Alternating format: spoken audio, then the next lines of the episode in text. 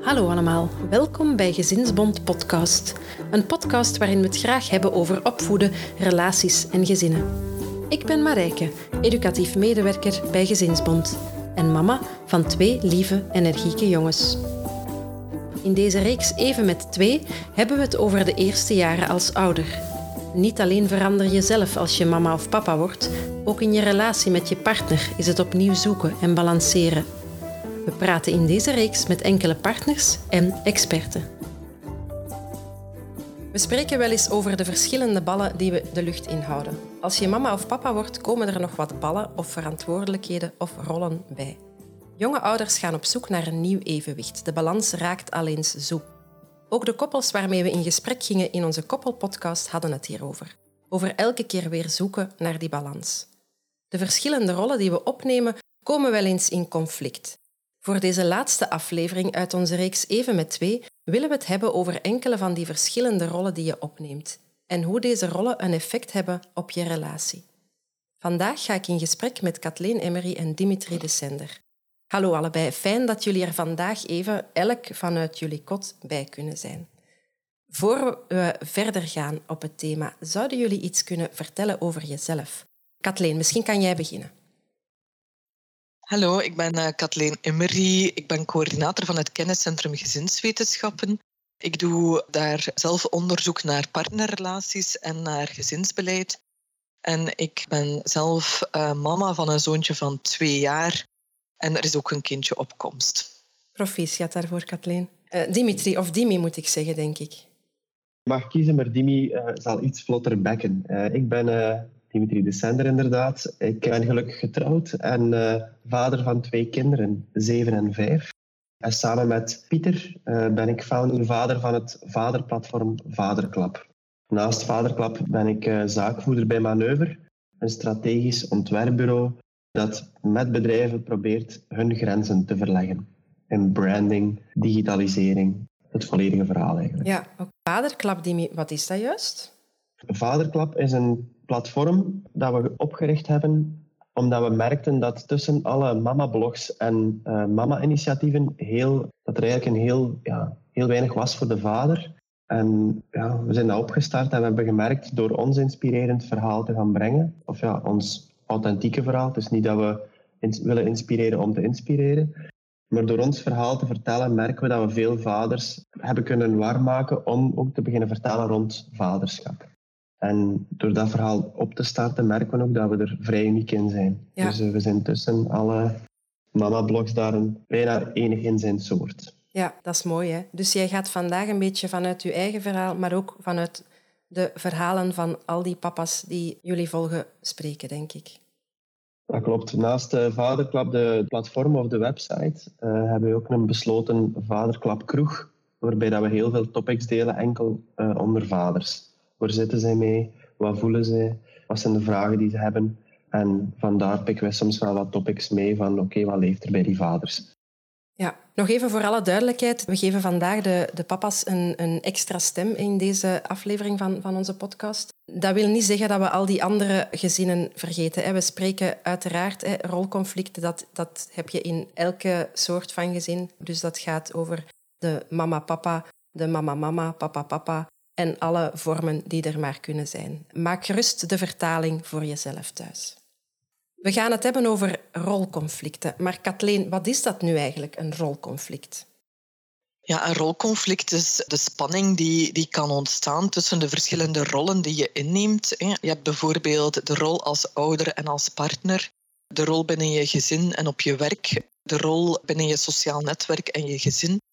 En dat alles gaat dan nog eens gepaard met traditionele genderrollen, de maatschappelijke verwachtingen die leven rond het eh, man en vrouw zijn. En ja, in elke rol die je hebt, krijg je als persoon te maken met bepaalde eisen. En die eisen die kunnen voor een bepaalde stress zorgen. Maar tegelijkertijd kan natuurlijk elke rol ook een bron van draagkracht zijn. En in die zin, ja, het gaat hier wel over rolconflicten. Maar evengoed kan het gaan over rolverrijking. Dus de manier waarop dat, eh, die rollen elkaar ook kunnen inspireren en, en positief versterken. En welke verschillende rollen zullen we vandaag bespreken, Kathleen? Ja, we hebben uh, de rol als ouder, uh, de rol als partner, de rol in het, in het gezin, uh, binnen de taakverdeling in het gezin, de rol op je werk en de rol binnen je sociaal netwerk. Ja, de rol als partner die was er van bij de relatie al. De rol als ouder die komt er dan eigenlijk bij. Welke invloed kan dat hebben op iemand als partner, hè, als je ouder wordt? Ja, je hebt natuurlijk heel de reeks, hè, heeft al ingegaan op, op veel van die aspecten. Je hebt, zeker als er jonge kinderen zijn, aspecten zoals ja, vermoeidheid, veel energie die naar opvoeding, verzorging gaat.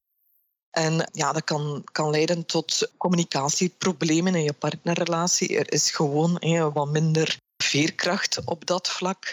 Er kan ook een impact zijn op, op seksualiteit, intimiteit. Daar heeft het ook in een andere podcast over gegaan.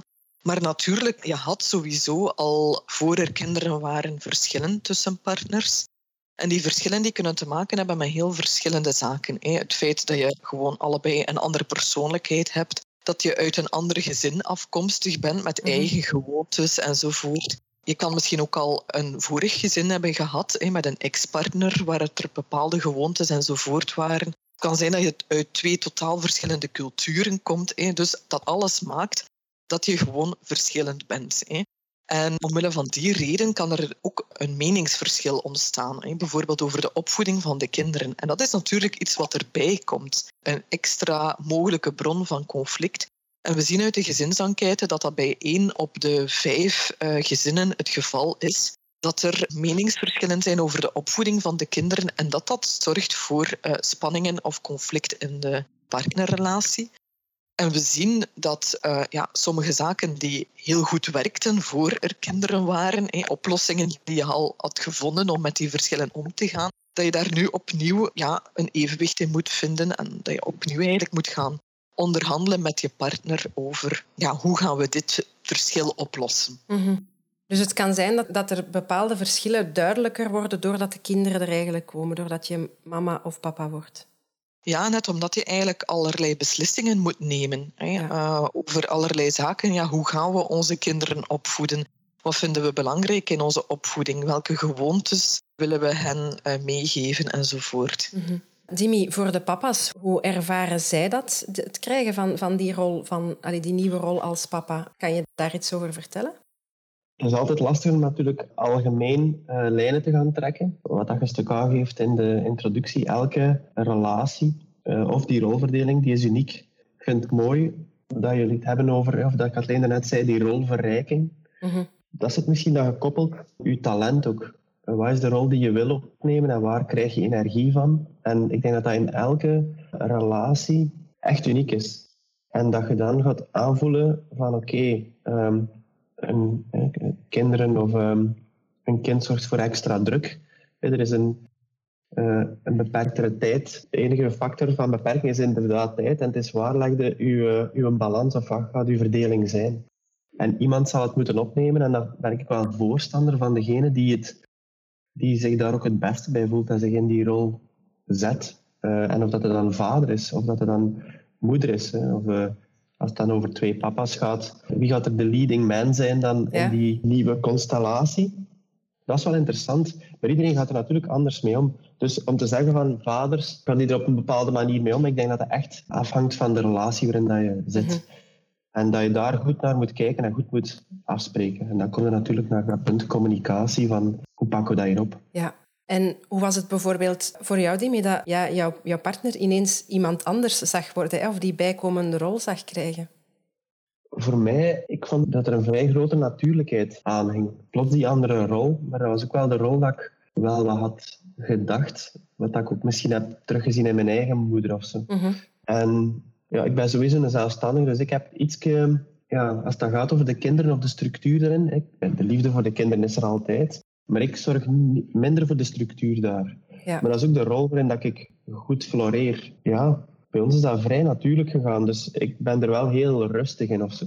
Er is er niet, niet vaak een conflict. En als dat er is, is dat inderdaad uh, babbelen en praten. Hè. Ja. Communicatie is daarin de oplossing, denk ik. Ja, ik denk dat dat ook de, de rode draad door heel het project zal geweest zijn, hè, communicatie. Communiceren, praten met elkaar of uh, ja, ook non-verbaal communiceren met elkaar, uh, dat dat echt superbelangrijk ja. is. Hè? Absoluut. Ja. Ja, Kathleen wil ja. iets aanvullen, denk ik. Ja, ik wil eh, dat inderdaad ook aangeven. Ook hier is er, is er sprake van verrijking van die twee rollen. Net zoals dat, je, ja, dat het kan leiden tot conflict, kan het net ook leiden tot een groei als partners. Je krijgt er een nieuwe rol bij en als je daarin slaagt om elk eigenlijk in die rol je eigenheid te bewaren, maar dan toch samen te groeien om daar als een team te staan in die oude rol, dat is eigenlijk heel mooi en dat is iets waardoor je in je partnerrelatie kan groeien. En het is soms ook de kunst om, om, om de meerwaarde te zien van die verschillen. Hè. Uh, als elke partner uh, die opvoeding anders aanpakt, is dat net ook voor de kinderen heel verrijkend. Hè. Dus in, in dat opzicht kan dat een, uh, ja, echt een voorbeeld zijn van die, van die rolverrijking. Ja. ja, eigenlijk zeg je dan aan de kinderen, verschillen mogen er zijn. Ja, inderdaad. Ja. Oké. Okay. Dimi, jij zei al een beetje van hey, ik ben, ben zelfstandige. Hè. De, de, daar, daar, daarmee komen we eigenlijk een stukje op, op het vlak van werk. Hè. Dat was ook een van de rollen die je hebt, uiteraard. Hè. Ja, als werknemer of zelfstandige dan in jouw geval. De, impact van het werk op de relatie, op het gezin. Kathleen, wat, zegt onderzoek over, over deze balans? Ja, daar is het toch uh, bij vier op de tien gezinnen zo dat het uh, conflict uit het werk het onderwerp is van conflict of spanning in de partnerrelatie. En waarover gaat het dan? Het gaat over werkuren van de partner, overuren van de partner. Soms ook zaken die wat samenhangen met de, de aard van het werk. Bijvoorbeeld een shiftensysteem je kan een extra druk leggen. Ja, partners die vaak in het buitenland moeten zijn voor hun werk of stress op het werk, dat, een, dat stress in het gezin uh, met zich meebrengt. Als er stress op het werk is, is men al vlugger eens kortaf. Of is er weinig uh, mentale ruimte of tijd voor een goede communicatie tussen de partners. En natuurlijk omgekeerd, als je stress hebt in het gezin, kan je je soms ook minder goed concentreren op je werk. Hè.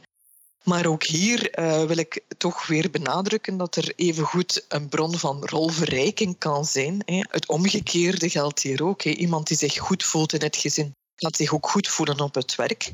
Je hebt ook competenties die dat je verwerft in je gezin, die dat je kan inzetten in je werk. En omgekeerd, op het werk leer je zaken die je eigenlijk ook kan gebruiken in je gezin. Mm en daarnaast is het werk een belangrijke bron van ontplooiing. Dit kan ook heel positief zijn voor de partnerrelatie. Veel mensen vinden het heel fijn dat ze, hun, dat ze een partner hebben die voldoening krijgt uit het eigen werk. Op die manier eh, kan dat ook een verrijking zijn eh, voor de partnerrelatie. Ja, je zegt van in het gezin ontwikkel je competenties die je dan eigenlijk op de werkvloer kan gaan gebruiken. Daar zou ik toch graag eens een voorbeeldje van, uh, van horen.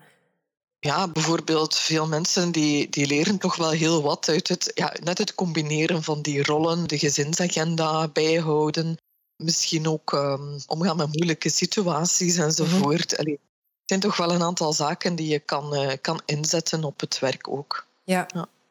Uw ruzie en de kinderen in toom houden, eh, dat kan je ook eventueel op de werkvloer gaan, gaan verplaatsen, bedoel je? Zoiets. Ja, ja oké. Okay. Ja. Of een, een feestje organiseren hè, maakt dat je inderdaad iets in, in elkaar steekt. Een event kan gaan plannen en organiseren. Zou kunnen, bijvoorbeeld. Je zei van, ik hoorde vooral twee dingen in, in verband met werk. Dus um, dat het gaat over, over je goed voelen en je competenties ontwikkelen. Eigenlijk over ja, die inhoud van de job een, een stukje. En dan daarnaast hoorde ik ook van het systeem waar dat je in werkt. De uren, eventueel shiftensysteem, dat dat eigenlijk ook wel een druk kan zetten op de, op de relatie. Dat heb ik inderdaad ook wel bij een aantal koppels gehoord. Dat zij heel bewust, vanaf dat, de, vanaf dat er kinderen bijkwamen, gingen zoeken naar andere uren of, of een andere job, om dan toch meer in die ja, daguren te kunnen gaan, gaan werken, om die een balans eigenlijk uh, beter te kunnen vinden. Is, is, is dat iets wat, wat, dat, wat dat er vaak gebeurt, denk je?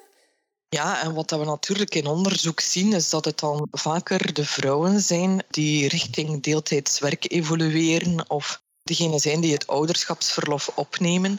En ja, soms spelen financiële overwegingen hier ook mee. Uh, vaak in veel gezinnen is het nog zo dat de man degene is die het meeste verdient en het meest nadelig zou zijn als die een verlofstelsel zou oppakken of deeltijd zou gaan werken. Mhm. Maar natuurlijk ook uh, attitudes van een werkgever spelen daar zeker ook in mee. Hè. de maatschappelijke verwachting dat je als man toch geen ouderschapsverlof gaat opnemen of dat je een stap terug gaat zetten in je carrière voor je kinderen, is daar toch wel een maatschappelijke verwachting die heel sterk nog doorweegt in die gezinsbeslissing. Ja, Demi, is dat iets wat jullie vaak horen van papa's?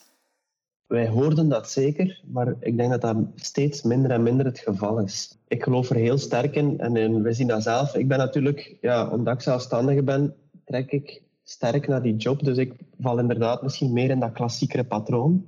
Maar ik heb er alle respect voor en ik vind het heel fijn als ik hoor dat een vader hè, zijn, zijn vaderschapsverlof opneemt of ehm, een stap terugneemt op carrièrevlak. Ik denk dat je daar inderdaad ook budgetair mag gaan kijken van wie verdient er hier het meest en hoe kan ons klein team progressie maken doordat we strategisch iemand parttime gaan laten werken om zo de structuur voor de kinderen beter neer te zetten. En of dat het dan gaat over de man of de vrouw, eh, of als het gaat over bij, de, bij twee papa's, denk ik, heel, um, is het heel goed om te gaan kijken wat is strategisch daarin de beste keuze? Financieel of qua gevoel of qua mhm. talent dan opnieuw.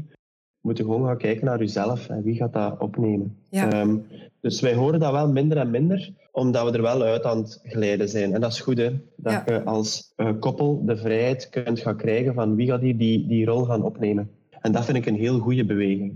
Ja. Want alle respect, als het gaat over een, ik iets, een, een vrouw die advocaten is en zegt, kijk, ik ga vol voor carrière, waarbij dat de man de huisman is en daar kijk hoe de structuur voor ziet. Mm En dat voelde dat dat werkt en dan hadden ook die conflicten of die conflictsituaties naar beneden gaan trekken. Ja, ik denk dat het inderdaad belangrijk is wat dat je zegt, hè, dat, dat, dat dat per gezin, per koppel moet bekeken worden van wat dat, wat dat goed voelt voor, voor, uh, voor dat gezin eigenlijk. Hè. Als, als jullie je er allebei prima bij voelen dat dat in het meer klassieke patroon zit, dan is dat oké. Voel je er allebei oké bij dat het meer eh, anders is, dat inderdaad de vader eh, meer zorgende rollen opneemt of, of ouderschapsverlof gaat nemen en zo, dan is dat ook prima. Zolang dat het werkt voor het gezin, denk ik dat het goed is. Hè. Absoluut. Ik, zelfs er verder gaand, uh, stel je voor dat er om een of andere reden dat een van mijn kinderen zwaar hulpbehoevend wordt, dan zal ik voor de situatie komen te staan waarbij dat ik mijn carrière zelf ook in vraag zal moeten stellen. En op zich is dat ook prima. Mhm. En dan weet ik dat ik op de werkvloer of met mijn venoten uh, het gesprek zal moeten aangaan van kijk, ik ga een nieuwe invulling of ik wil een nieuwe invulling op carrièrevlak. Ik ga op een andere manier om met mijn job, omdat ik voor die keuze sta. Ja. En dat mogen kunnen doen, dat wens ik iedereen toe. Dus dat gesprek, zowel op de werkvloer kunnen aangaan als privé, zou er inderdaad voor zorgen dat je heel fijn kunt gaan, ja, de pionnetjes gaan zetten van het gezin. Keuze om nu niet voor een carrière te gaan, bijvoorbeeld. Stel je voor dat je inderdaad als vrouw zegt, kijk, ik ga vol voor dat gezin gaan en ik ga part-time aan de slag er is niets dat zegt dat als de kinderen 14 jaar zijn of 15 jaar en een stuk zelfstandigheid gaan kweken, dat je dan vol een, voor een doorbraak in een nieuwe carrière of een nieuwe of glans kunt geven aan een nieuwe, aan een nieuwe carrière. Mhm. Dus het is niet omdat je ze nu op pauze hebt staan, die carrière, dat dat op een latere fase niet kan. Ja. Ook dat moeten mensen durven zien, omdat ze ja, het is niet dat een trein maar één keer voorbij komt en we moeten er nu op springen. Want al die balkjes in de lucht houden, carrière, hobby's, kinderen, ehm, een relatie met een zorgbehoevende uh, grootouder, ik zeg maar iets. Ja, dat zijn allemaal zaken die, ja, beperktheid opnieuw is daar tijd. En je kunt niet alles even goed doen.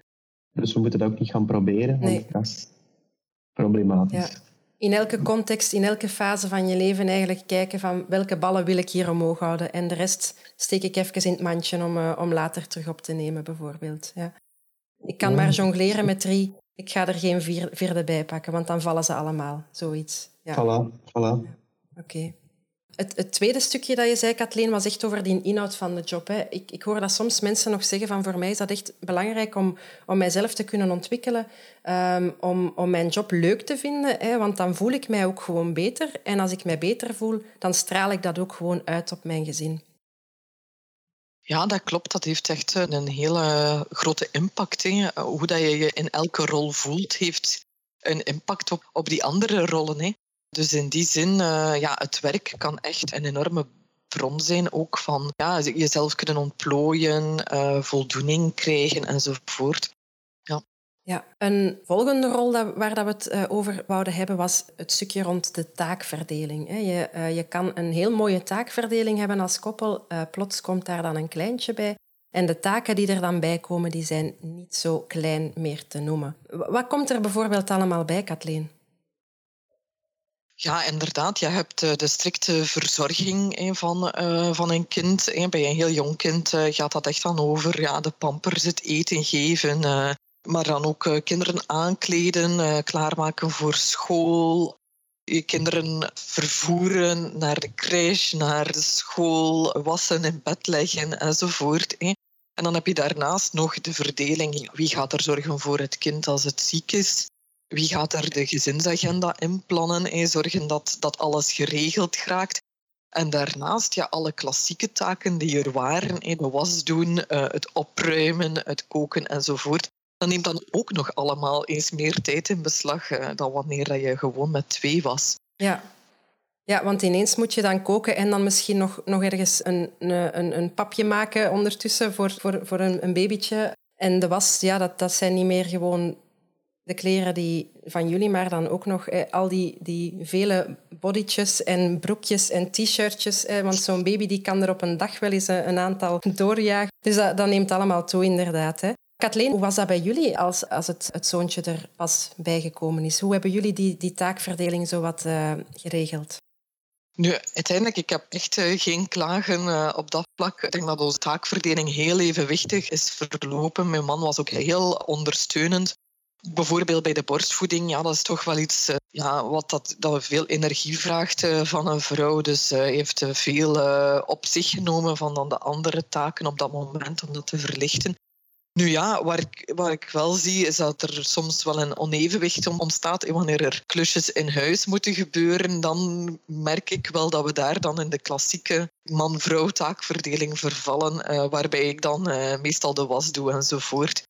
Maar goed, dat is een valkuil, denk ik, voor een aantal gezinnen. Stel er echt grote verbouwingen zijn, dat je daar dan eigenlijk niet meer uit die taakverdeling geraakt, wanneer dat de verbouwingen achter de rug zijn. Maar tot nu toe ehm, heeft het bij ons toch altijd bij beperkte klusjes gebleven. Dus, ja, uh... ja. ja. Wij zitten zelf net op, het, op de eindfase van onze verbouwing hier. En uh, ik moet zeggen, mijn man stond inderdaad gisteren in, in de keuken en hij zei, ik ben dit niet meer gewoon om te koken. Ik heb dat een half jaar niet meer gedaan. Omdat inderdaad ja, dat die verdeling toch weer zo ja, vrij klassiek ja, zich, zich zo, uh, ja, zo gelopen was. Dus uh, het klopt wel wat je zegt, denk ik. Kathleen, ik herken het wel. Uh, Dimi, hoe was, was het bij jullie, die, uh, die, die zoektocht naar die taakverdeling? Je zei daar net al wel een stukje dat, dat de zorgtaken vooral bij, bij je vrouw dan terechtkomen. Ja, ja, dat is inderdaad zo. Maar op zich was dat ook ons evenwicht dat we, ja, waarin dat we ons hebben gezet. Maar, ik weet wat, nu de kinderen zijn al iets, iets zelfstandiger, maar zeker als baby is er inderdaad wel die taak van die baby die erbij komt. En die is niet, ja, een, een berg was kun je laten liggen. Hè. een baby kunnen niet laten liggen. Dus je moet wel aan de slag. Dus ik zou liegen als ik zeg van um, ja, het is gemakkelijk, iemand doet dat en ik moet mij er niets van aantrekken. Dat, is, mm ja, dat denk ik dat bijna onmogelijk is in elke situatie. En als het gaat over pampers, verversen, dat heb ik ook wel allemaal gedaan. Uh, een verdeling, een nachtelijke verdeling in het opstaan en het flesje geven. Ook dat is eigenlijk heel goed gegaan. En dat is een periode dat je door moet. En ja, dat is op zich wel oké. ja. je, maakt ook wel vrij bewuste keuze, of toch in ons geval, hè, om voor kinderen te gaan. Dan weet je ook wel dat je die handschoen moet gaan opnemen. Mhm. Maar dat is eh, vrij natuurlijk gelopen ook weer opnieuw. En ja, we hebben er wel beide ons aandeel in gehad hoor. Dus het is niet zo dat zij, zij zorgt wel voor de gezinsagenda en die dingen. Maar als het dan gaat over pampers, uh, is een fruitpapje, uh, groentepap maken um, of groentemaaltijd, ja, dat hebben we ook allemaal gedaan. Ja. Bij mij is het toch altijd vrijdagavond. Ga ik ook aan de slag. Is het altijd spaghetti en ben ik aan de kook. Ook al doe ik dat tijdens de rest van de week niet. Toch doe ik dat eens. Om ja, toch een beetje ook daar een stukje zelfstandigheid in hebben of het toch kunnen, ja. zeggen. Ja, oké. En een aperitief, en een aperitief ook. Hè. en een aperitief voorzien, ja. een heel belangrijk stukje om, om je weekend goed te kunnen inzetten. Hè? Absoluut. Kathleen, je zei daarnet van zo patronen kunnen, uh, kunnen zich installeren. Ik hoorde ook een van de, van de koppels die, die, vertelde van, uh, die vrouw vertelde van ja, ik ging dan in, in, in zwangerschapsrust, zoals ze dat dan noemen, zij voelde zich daar eigenlijk... Allee, zij is vrij ambitieus op vlak van werk, dus voor haar voelde dat zo wel een beetje gevrongen om dan zo een aantal maanden thuis te moeten zijn. Misschien nog wat ouderschapsverlof erbij om voor de kinderen te zorgen. En dat dan uh, soms haar, haar, man thuis kwam uh, s'avonds en zei van ja, hebt jij hier nu niks gedaan? En dat ze zelfs niet de kans had gehad om een douche te nemen bijvoorbeeld. Maar dus dat de verwachting bij, bij haar partner eigenlijk toch wel um, zo lag dat zij dan heel het huishouden ondertussen maar zou draaiende houden. Uh, zijn, zijn er daar ook zaken uit het onderzoek of uit ervaringen dat je uh, iets over kan vertellen? Ja, zeker. Dus um, effectief in, in vier op de tien gezinnen is het ook zo dat dan uh, de taakverdeling en het huishouden zorgt voor conflicten in de partnerrelatie. En over het algemeen zijn vrouwen iets meer ontevreden over die taakverdeling. En vinden vrouwen iets vaker dan mannen ook dat de taakverdeling niet helemaal eerlijk verloopt. En dat is ook het meest frappant bij de ouders van jonge kinderen. Dus inderdaad, in die periode, uh, wanneer de kinderen nog geen zes jaar zijn, dan is dat, dat, is toch wel de periode waar dat het uh, soms het meeste wringt. En dan effectief die conflicten gaan dan over die zaken. Bijvoorbeeld uh, wederzijdse verwachtingen uh, die niet helemaal uitgesproken geraken of, of, of scheef zitten zich niet genoeg gesteund voelen door een partner, uh, vinden dat de partner niet genoeg betrokken is, te weinig initiatief toont. De partner die vindt dat sommige zaken te vanzelfsprekend vinden. En de andere partner die dan zich niet erkent of, of geapprecieerd voelt in wat dat hij of zij doet. Maar het speelt op verschillende vlakken. Dat kan wringen, uh, bijvoorbeeld wanneer dat de kinderen naar school gaan is het vaak één van de partners die het spitsuur s'avonds opneemt, om dan te zorgen dat er eten op tafel staat, dat de kinderen gewassen worden, in bed geraken enzovoort. En de andere partner ja, heeft soms ook wel het gevoel van ik schiet hierin tekort. En ik, eh, ik kan bijvoorbeeld niet, niet vragen aan mijn kinderen hoe dat de schooldag is geweest. En, en, en, en daar dan uh, mee gevrongen zitten met die verschillende rollen. Dus dat speelt eigenlijk aan, aan beide kanten. En wat soms ook een, een bron van conflict is, is dat dan uh, de vrouwen vinden dat ze de minder aantrekkelijke taken doen in het mm -hmm. huishouden, de meest routineuze taken. En dat de mannen dan eerder ja, het spelen en de tijd met de kinderen uh, voor hun rekening nemen. En dat kan dan ook weer voor, voor conflict zorgen. Ja. ja. En hoe, hoe kunnen we daar de balans terug in, in gaan vinden? Ja, het is een kwestie ook bij beide partners om ja, te gaan bekijken. Bijvoorbeeld, wat kunnen we meer loslaten? Hè? Kan inderdaad die, die was misschien nog een paar dagen blijven liggen. Hè? Zo niet, niet alles perfect willen doen. Hè? Bijvoorbeeld ook ja, ja, communiceren. Hè? Niet, niet vervallen in, in verwijten. Hè? Uh, meer nadenken over wat heb ik nu zelf eigenlijk nodig. Hè? Wat zijn mijn behoeftes hierin? Niet, niet vervallen in het, in het idee, mijn partner doet het niet goed maar ook uh, waardering, erkenning geven aan, aan wat je partner doet. Ook een keer achterhalen, ja, inderdaad, een, een eerlijke taakverdeling is niet hetzelfde als een gelijke taakverdeling. er zijn misschien zaken die de ene partner graag doet, die de andere partner absoluut niet graag doet. Mm Maar dan gaat het wel natuurlijk om, om te detecteren welke zaken doe je allebei niet graag. Ja. En dan daar een evenwicht in vinden. Hè? En dan is het echt een kwestie om te gaan zoeken. Hè. Vragen aan elkaar. Misschien de taken samen doen hè, die je niet graag doet. Misschien hulp vragen aan je sociaal netwerk, aan familie bijvoorbeeld. Of kijken wat dat je kan uitbesteden. En uitbesteden, dat klinkt altijd heel, uh, heel kostelijk, maar misschien zijn daar ook oplossingen in te vinden. Dat het, bijvoorbeeld, wij zelf hebben ervoor gekozen om de boodschappen aan huis te laten leveren. Dan betaal je iets extra. En ik heb me daar al zo schuldig over gevoeld van ja, we betalen nu extra om onze boodschappen thuis te laten leveren, maar aan een andere kant, we houden ons wel beter aan het lijstje en er staat wel minder, ja. er ligt wel minder in de winkelkar dat we niet nodig hebben. Dus daar besparen we dan weer op en voilà, dan, dan is dat toch ook weer uh, geregeld. Ja, ja. Ja, dat klopt. De keren dat je in de winkel komt met honger, dat is, dat is nooit goed. Hè. Dan neem je inderdaad altijd extra mee, dat is waar. Dat is een mooi voorbeeld. Uh, Dimi, heb jij daar misschien nog uh, een voorbeeldje rond of iets, iets aan toe te voegen? Ja, terwijl ik aan het luisteren was uh, naar Kathleen. Wat dat bij ons ook wel helpt, of wat ik als vader storend vind, is ruzie in de kinderen. Daar kan ik heel sterk of heel scherp op... Um, ja, dat is heel aanwezig, ruzie. Dat is net zoals een, een, een huilende baby. Dat is, ook, ja. dat is ook zo. En wat dat bij ons heel hard helpt, is zo een vader-dochter moment. En daar iets samen mee gaan doen, de one-on-one met, met je kind. En dan zit het uh, in ons geval dan het andere kind thuis met, met de moeder. En dat is wel fijn om zo die binding dan aan te gaan met uw, uh, ja, uw kind of met één kind. Een avontuur, dat kan een wandeling zijn. Hè. Nu in, in deze tijden is dat ideaal. En uh, dan komt het terug. Je hebt samen een expeditie gedaan, je hebt rustig gesproken. Er is ook geen moment van ruzie, want er is een schone balans tussen het kindje en dan een ouder die mee de begeleidende wandeling doet. We hebben het dan over van alles. Hè. Ben ik verrast door wat het, het kind allemaal ziet en vertelt en de leefwereld omschrijft. En dat is eigenlijk wel tof. En dan komt het terug samen als gezin in een veel grotere rust. Mhm. Het samen willen doen en constant in die woning bijvoorbeeld zitten, kan soms ja, ja, conflicten zo wakkeren, ruzie, en dan begint op elkaars kap te zitten. En soms door simpele tactiekjes te gaan gebruiken, kunnen dat wel helemaal ondermijnen. Ja, ja. Um, ja. ja.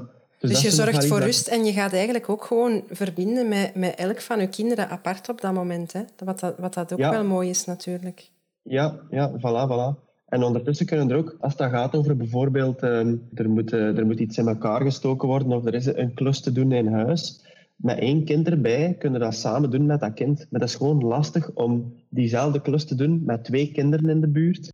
En, en je voelt dat er dan... ja, dat begint op te bouwen naar dan een, een ruzie, want dat is hoe dat kinderen nu eenmaal zijn. Hè. En uh, ja, dat is gewoon makkelijker. Dus je, je kunt ook individueel dan de klussen of de, de zaken die te doen zijn, of het nu een was is, of nu een, uh, een latten in elkaar vijzen, dat gaat gewoon gemakkelijker met één kind aan u zijn. Mm -hmm. Ja. Ja, dus dat is een simpel trucje. Zo. Ja, ik denk dat dat heel waardevol is, ook voor, voor de mensen thuis. We hadden nog een, een laatste stukje dat we wouden bespreken. Dat gaat over de vrije tijd of de eigen tijd. Hè. We, we horen wel vaak hè, dat mensen hun, hun me-time nodig hebben. Hè. Tijd voor zichzelf, hè, om dan ook een betere partner of een betere ouder te kunnen zijn. Maar met kleine kindjes in huis is er weinig tijd voor vrije tijd. Ja, we moeten tijd maken voor onszelf, voor ons als koppel, voor de familie, voor de vrienden. Soms is dat echt allemaal een beetje te veel. Kathleen, hoe, kunnen we daar een evenwicht in vinden? Ja, dat is inderdaad iets waar veel koppels ook op eh, botsen. Nu, je hebt natuurlijk ook je gezinstijd. Je, je kan dat zien als een uh, gebrek aan, aan me-time, want de kinderen zijn er altijd enzovoort. Maar je kan het natuurlijk ook anders zien. Hè. Eh, van heel veel gezinsmomenten geniet je toch als partners ook uh, allebei. Heb je allebei plezier aan als partners. En ook het, het gewone appreciëren, hè. de gewone zaken. Bijvoorbeeld, wanneer dat je je partner ziet spelen met de kinderen, kan je jezelf dat ook heel veel plezier geven. Hè? door het feit dat je ze zo samen bezig ziet. En dan effectief dat genieten in plaats van dat ook enkel uh, te moeten, is daar zeker één aspect in. Maar net zoals Adimi daarnet zei, dat kan even goed zijn hè, dat je dan een bepaalde quality time met één kind uh, gaat spenderen enzovoort. En natuurlijk, ja, je eigen tijd, ja, het, je me-time is natuurlijk ook wel weer, net zoals het werk, hè, dat voor, voor veel mensen kan zijn, een belangrijke bron van kracht, hè, waar je jezelf kan ontplooien, waar je ja, kan bewegen, uh, creatief zijn enzovoort. Dus dat is dan inderdaad zoeken naar ja, hoe kun je daar toch allebei nog tijd aan spenderen. Hè. En het sociaal netwerk, ja, dat is nu iets wat dat jammer genoeg uh, tijdens corona voor veel mensen uh, voor een groot stuk is weggevallen. En dat is eigenlijk ook wel een, een heel belangrijke bron van kracht. Hè. Plezier beleven samen, je verbonden voelen met andere mensen, samen zaken vieren enzovoort, is toch wel iets wat heel veel mensen op dit moment missen. Mhm. En ja, voor bijvoorbeeld voor sommige gesprekken enzovoort, uh, of sommige interesses te beleven, is een, is een vriend of een vriendin soms ook beter geplaatst dan de partner. Als dat over iets gaat wat dat de partner echt niet graag doet of echt niet graag over spreekt enzovoort, ja, daarvoor is het sociaal netwerk natuurlijk wel, uh,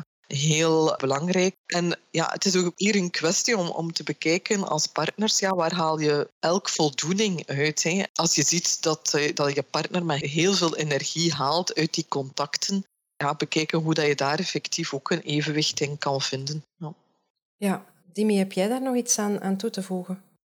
Ja, ik heb er zeker iets aan toe te voegen. Ik eh, ben ook iemand die er... Ik ben een fervente fietser. En dus ik eis ook wel wat tijd op. Ik vergelijk het soms, of ik heb het al in het verleden al eens vergeleken met uh, als je in het begin lagere school uh, doet, dan, dan doe je gewoon maar wat school. Dan gaat naar het secundair en komen er van allerlei taken bij en heb je het gevoel, oh, maar ik heb voor weinig dingen tijd. En dan gaat je naar het hoger en er wordt die druk opgevoerd. Te werken, hè? dus je bent constant heb het gevoel, ik heb, ik heb weinig tijd. En als je begint te werken, kijk je terug op je studeerperiode van, amai, toen had ik tijd. Als je dan kinderen krijgt, kijk je terug op het moment van, amai, als ik alleen nog maar aan het werken was, toen had ik tijd. nu zijn die kinderen er en nog vind ik wel tijd om eigen tijd te gaan invullen. En ik durf dat te doen vaak als er rust is en iedereen aan het slapen is. Dus uh, ik heb zo uh, rollen staan, noemen ze dat. Hè, zo, ja. uh, dat kan fietsen thuis terwijl iedereen slaapt, terwijl ik eigenlijk geen tijd aan het afnemen ben van de anderen. Maar daarin kies ik wel voor iets minder slaap, om dat dan te realiseren. En daarin moet ik ook gaan kijken van, ja, kan ik dat, wil ik dat, heb ik er nog energie voor over? Maar ik probeer dat wel te doen, ja. En ik ben er ook voorstander van om mijn partner te duwen naar neem eens tijd. Ga eens wandelen. Uh, zij fietst ook van het is nu aan u om te fietsen. Omdat ik weet hoeveel kracht dat ik daaruit haal. Dus mhm. het inderdaad kunnen lezen van de anderen vind ik daarin een hele belangrijke. En ik weet dat zij iets minder die tijd wil opeisen, daarom dat ik er wel probeer in te stimuleren. ja. ja. Ik denk dat dat iets is wat, wat zeker in, in het afgelopen jaar wel ook een evenwichtsoefening geweest is bij vele koppels. Hè. Je, je voelt dat je nood hebt aan eigen tijd, hè, maar je ziet dat ook bij je partner. Dus het is zo, zo echt zoeken naar die balans, ook daar weer, denk ik, hè, van je, je partner dat, dat gunnen eigenlijk, hè, of die inderdaad daar, daarin stimuleren om eigen tijd te nemen. En ook voldoende voor jezelf die te kunnen nemen. Ik denk dat dat toch, ja, hoor ik toch wel voor veel mensen ook wel, wel een zoektocht is. Ja, het, het plannen erin zou heel goed kunnen werken, denk ik. En ik denk dat ook veel koppels dat... Ja, dat er veel leven met het idee, ik heb nu kinderen en nu staat inderdaad de eerste uh, acht jaar gaan wij puur focussen op die kinderen. Ik denk dat het heel gezond is. Ik doe dat zelf ook in fietsverlof en dan ben ik vijf dagen weg naar Lanzarote bijvoorbeeld. Ja. Dat is, dat is een hele grote zwaarte dat dan plots bij mijn partner komt te liggen. Maar ik gun haar ook dat moment op een ander moment. En dan mhm. pak ik wel die zware rol op. En dan is dat wel fijn als je er naartoe kunt werken. Als, je, als ik weet dat ik binnen een maand uh, vijf dagen vol aan de bak moet met de kinderen, dan vind ik dat wel fijn dat ik dat ook kan inpassen in mijn leven. Ja. En ja, er geeft zo'n energie als je terugkomt om er terug vol voor te gaan. En dat moeten we wel durven proberen plannen, denk ik. Ja, ja ook daar weer goed, goed praten erover met elkaar, wat dat jullie allebei willen en het mhm. inderdaad gaan inplannen, denk ik. Hè. Ja. ja. Zijn er algemeen gezien nog zaken die jullie graag willen toevoegen aan heel het verhaal? Ik denk dat de essentie al een stuk is gezegd. Dat je inderdaad de situatie aan zich moet kijken. Dat je naar, ja, naar je partner moet kijken, naar je kinderen, maar ook zeker naar jezelf durven kijken. En als je dat eens goed de oefening zou maken, gewoon echt puur pen en papier, en dat is opschrijft van wat vind ik echt belangrijk, daar een goede verdeling in, in maakt, denk ik wel dat je op een bepaalde manier wel een heel gezonde balans gaat vinden in je leven. Mhm. Op dat moment, of op, als het dan over dat momentum gaat, maar ook, wat ik net ook al zei, ja, geef dat ook wat tijd. Hè. Er zijn zeker mensen die op hun veertigste nog een mooie doorbraak doen in wat dat ze dan ook voorop Uh, het gaat over, ik zeg, maar, ik zeg maar iets keramiek of zo, ik wil keramiek beginnen doen. Ja, er, gaat de, er kunnen echt perfect een doorbraak in doen, zelfs op je vijftigste of je zestigste. Ja, je leven stopt niet op je veertigste. Mm Ook dan kunnen nog zaken gaan doen. Dus um, ja, en er rust, uh, je moet niet onmiddellijk naar een resultaat willen gaan of zo. Dat is ook bij kinderen zo niet. Een opvoeding is ook geen onmiddellijke resultaatverbindenis. Ja, een kind zal al eens huilen, maar een kind zal daarna ook wel terug beginnen lachen. En zo geldt het ook voor carrière en een leven. En ik denk dat, dat je die rust wel moet ja, aanvaarden ook. Oké. Okay. Kathleen, had jij nog iets toe te voegen? Ik denk dat het misschien eerder samenvattend te zeggen. Inderdaad, ik denk Zeker gezinnen met jonge kinderen, er komt heel veel op hen af wat er moet gecombineerd worden. Er zijn heel veel maatschappelijke verwachtingen uh, richting uh, ouders toe enzovoort. En dan ja, in die periode dat je echt jonge kinderen hebt, ja, meestal merk je dat in veel gezinnen er iets meer tijd vrijkomt vanaf de leeftijd van zes jaar, wanneer de kinderen zes jaar en ouder zijn. Dus inderdaad, ja, die verwachtingen naar jezelf toe en het alles moeten enzovoort, misschien toch wel eventjes op pauze zetten, maar tegelijkertijd ook wel zorgzaam zijn naar jezelf toe. Wat heb je zelf nodig? Waar, wat heb je zelf nodig om, om jezelf goed te voelen? En ook zorgzaam zijn naar, naar de partner toe. En daar kunnen die zaken die dat we vandaag hebben proberen in te brengen, in naast alles wat dat conflict kan geven, ook naar het positieve kijken, toch ook wel in helpen, denk ik, om dat ook in gesprek te brengen. Ja, dankjewel. Ik heb nog één allerlaatste vraag voor jullie. Wij zijn momenteel bij Gezinsbond toekomstwensen aan het verzamelen voor uh, gezinnen. Dus mijn vraag aan jullie is, wat zou jouw wens zijn voor de gezinnen naar de toekomst toe? Ja, wens ik simpele dingen. Hè. Ja, geluk gewoon, denk ik. Geluk. En dat heeft met heel veel te maken natuurlijk. Dat heeft te maken met die balans. Ja, ik wens geen materialistische zaken, ik zal het zo zeggen. Ik wens echt de, de essentiële dingen. Geluk, liefde, rust. Ja. ja, ik denk dat dat hele mooie wensen zijn, Dimi. Uh, Kathleen, wat, wat wens jij de gezinnen? Ja, ik sluit daar een stukje bij aan, denk ik. Want ik zou de gezinnen vooral verbinding wensen. Dat klinkt vaag, maar volgens mij kan daar heel veel in zitten. Dat is zowel ja, de verbinding binnen je gezin zelf, je verbonden voelen met elkaar, uh, je, je goed voelen in je gezin, maar ook en dat is misschien een vreemde wens in deze tijden, maar toch ook met anderen. Hè. Eh, we hebben dat echt ook nodig om met, met de, de bredere buurt, de familie, de vrienden, ons verbonden te voelen met organisaties zoals de Gezinsbond, die allerlei zaken organiseren en in normale omstandigheden werken aan ontmoeting enzovoort. Dus ik, ja, ik wens toch vooral verbinding, dat we toch weer ook na deze iets eenzamere tijden elkaar weer allemaal ook terugvinden. Oké, dat is ook een hele mooie wens, Kathleen. Kathleen en Dimi, echt heel erg bedankt uh, dat ik vandaag met jullie uh, deze babbel mocht doen. Ik vond het weer een, boeiend gesprek. Ik hoop dat we de mensen thuis uh, ook hebben kunnen inspireren. Bedankt allebei. Dit was het weer voor vandaag. Wil je in de toekomst nog meer van deze podcast beluisteren? Abonneer je dan in je favoriete podcast-app en mis geen enkele aflevering van Gezinsbond Podcast. Laat ons weten wat je ervan vindt via een recensie in je favoriete podcast-app of stuur een mail naar podcast.gezinsbond.be. Wil je op de hoogte blijven van de laatste updates? Volg ons dan op Facebook en Instagram. Zin om nog wat meer te lezen? Neem dan een kijkje op goedgezind.be. Zo, iedereen thuis, bedankt om te luisteren en tot de volgende keer.